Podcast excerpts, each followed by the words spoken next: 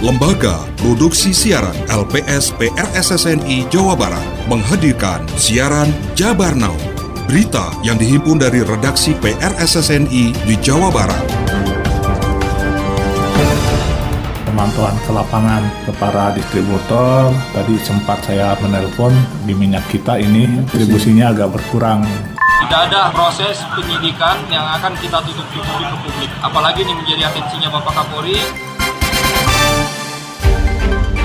Jabar Now hari ini menyajikan sejumlah informasi di antaranya. Minyak goreng dalam kemasan bersubsidi mulai langka di pasaran. Polda Jabar pastikan transparan tangani kasus kecelakaan di Cianjur.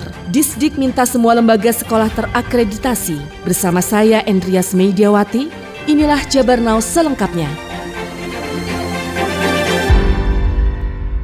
Ketua Kelompok Tani Nelayan Andalan KTNA Provinsi Jawa Barat Otong Wiranta dan Muspika Kecamatan Pusaka Nagara inspeksi mendadak sidak terkait ketersediaan pupuk bersubsidi di wilayah Kecamatan Pusaka Nagara Subang Rabu 1 Februari. Laporan disampaikan PR SSNI Korwil Karawang. Sidak KTNA Jabar dan Muspika Pusaka Negara ini disambut baik pemilik kios pupuk Pusaka Tani Desa Pusaka Ratu Haji Solehudin. Kapolsek Pusaka Negara Kompol Cuhdi Jahlan mengatakan setelah melakukan sidak dengan KTNA Jabar di lapangan ketersediaan pupuk bersubsidi di kios tersedia. Tidak ada kelangkaan pupuk bersubsidi di wilayah Kecamatan Pusaka Negara. Saat ini mekanisme pembelian pupuk bersubsidi di kios para petani harus dan sudah terdaftar di e-alokasi. Maka dari itu para petani silakan berkomunikasi berkomunikasi dengan pemilik kios atau distributor untuk mendapatkan informasi. Alhamdulillah kita cek ternyata bahwa pupuk itu ada dan tersedia untuk disalurkan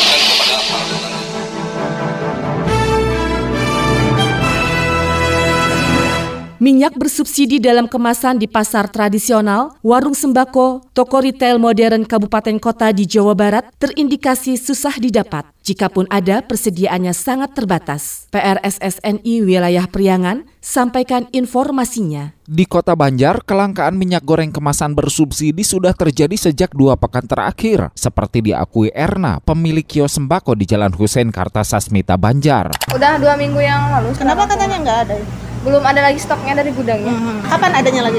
Kurang tahu, soalnya belum ada dari gudangnya, yang ordernya dari sana soalnya. Di Pasar Pancasila Kota Tasikmalaya, Lia, salah seorang warga yang biasa mudah membeli minyak kita kemasan subsidi, mengaku kesulitan mendapatkannya. Minyak kita teh emang agak susah sih Pak, apalagi kemarin-kemarin teh banyak yang perlu gitu, apalagi saya di resto suka perlu minyak kita.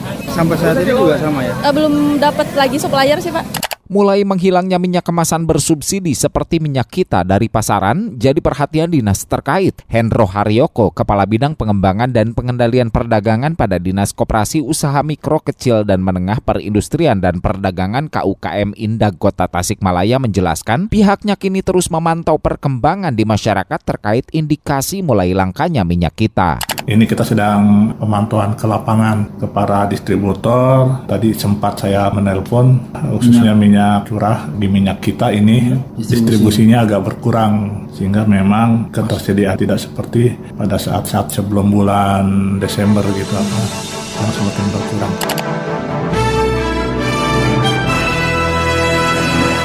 Dinas Pendidikan Kabupaten Bogor menargetkan setiap lembaga pendidikan PAUD PKBM, Taman Kanak-Kanak memiliki akreditasi. PRSSNI Korwil Bogor sampaikan informasinya. Dinas Pendidikan Kabupaten Bogor melalui Kasih Kurikulum dan Kelembagaan PAUD Dikmas minta setiap lembaga baik PAUD, PKBM, Taman Kanak-Kanak maupun PAUD non-formal bisa memiliki akreditasi. Langkah akreditasi ini memang menjadi target Dinas Pendidikan Kabupaten Bogor di tahun 2023. Sebelumnya, capaian gemilang diwujudkan Dinas Pendidikan Kabupaten Bogor melalui Kasih Kurikulum dan Kelembagaan PAUD PAUD Dikmas. Ini dibuktikan dari penghargaan yang diberikan oleh Ketua Ban PAUD dan PNF Provinsi Jawa Barat, Nurul Fahimah, 5 April 2022 lalu. Penghargaan ini diberikan atas capaian kasih kurikulum dan kelembagaan PAUD Dikmas, Dinas Pendidikan Kabupaten Bogor sebagai kabupaten kota dengan akreditasi PKBM terbanyak sejak tahun 2015 hingga tahun 2022.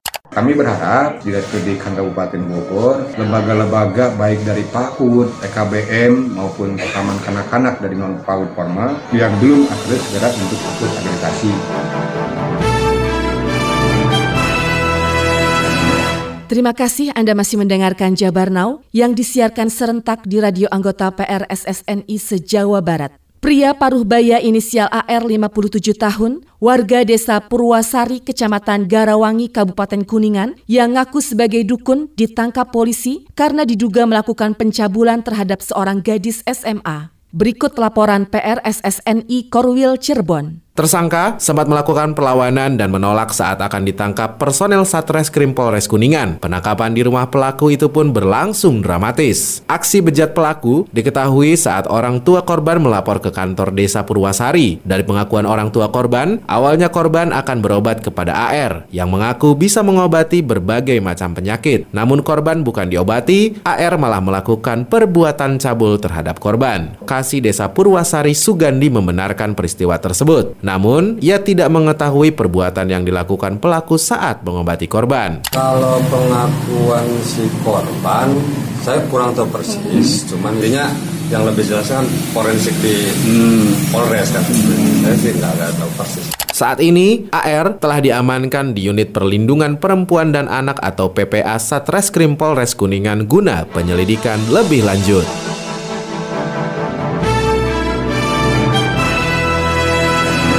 Tim Jatan Rasa Treskrim Polres Sukabumi Kota berhasil membekuk terduga pelaku pembunuhan perempuan tanpa busana di Sungai Cipelang, Kota Sukabumi. Kapolres Sukabumi Kota menyebut korban dalam kondisi depresi. Laporan disampaikan PRSSNI Korwil Sukabumi. AKBP SY Zainal Abidin mengungkapkan bahwa korban dalam kondisi depresi. Pelaku yang diketahui pengamen itu membunuh korban dengan cara didorong ke sungai. Pelaku membunuh korban usai melakukan hubungan badan. Pembunuhan Cici terekam CCTV. Pelaku R alias E terlihat jalan kaki bersama korban. Empat hari pasca kejadian, pelaku dibekuk petugas di wilayah Jublek.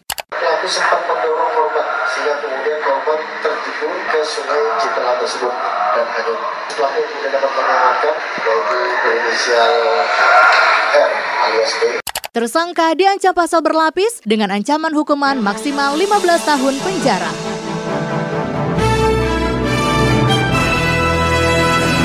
Polda Jabar memastikan bakal bertindak transparan dalam menangani kasus tabrak lari di Cianjur. Selengkapnya bersama PRSSNI Korwil Bandung. Kepolisian daerah Jawa Barat memastikan bakal bertindak transparan dalam menangani kasus tabrak lari yang menewaskan seorang mahasiswi Fakultas Hukum Universitas Surya Kancana Cianjur yang bernama Selvi Amalia Nuraini. Kabid Humas Polda Jawa Barat Komisaris Besar Polisi Ibrahim Tompo mengatakan kasus kecelakaan yang terjadi di Jalan Raya Bandung Cianjur beberapa waktu lalu mendapat perhatian khusus dari Kapolri Jenderal Polisi Listio Sigit Prabowo yang memerintahkan langsung kepada Kapolda Jabar, Dirlantas Polda Jabar, Kapolres Cianjur dan jajaran penyidik untuk bersikap profesional dan transparan sehingga tidak ada proses penyelidikan dan penyidikan yang ditutup-tutupi dari masyarakat. Ini betul-betul menjadi atensi kita untuk kita ungkap. Tidak ada hal-hal proses penyidikan ataupun penyelidikan yang akan kita tutup-tutupi ke publik. Apalagi ini menjadi atensinya Bapak Kapolri dan sudah diperintahkan melalui Pak Kapolda dan Pak Kapolri juga sudah mengatensi kepada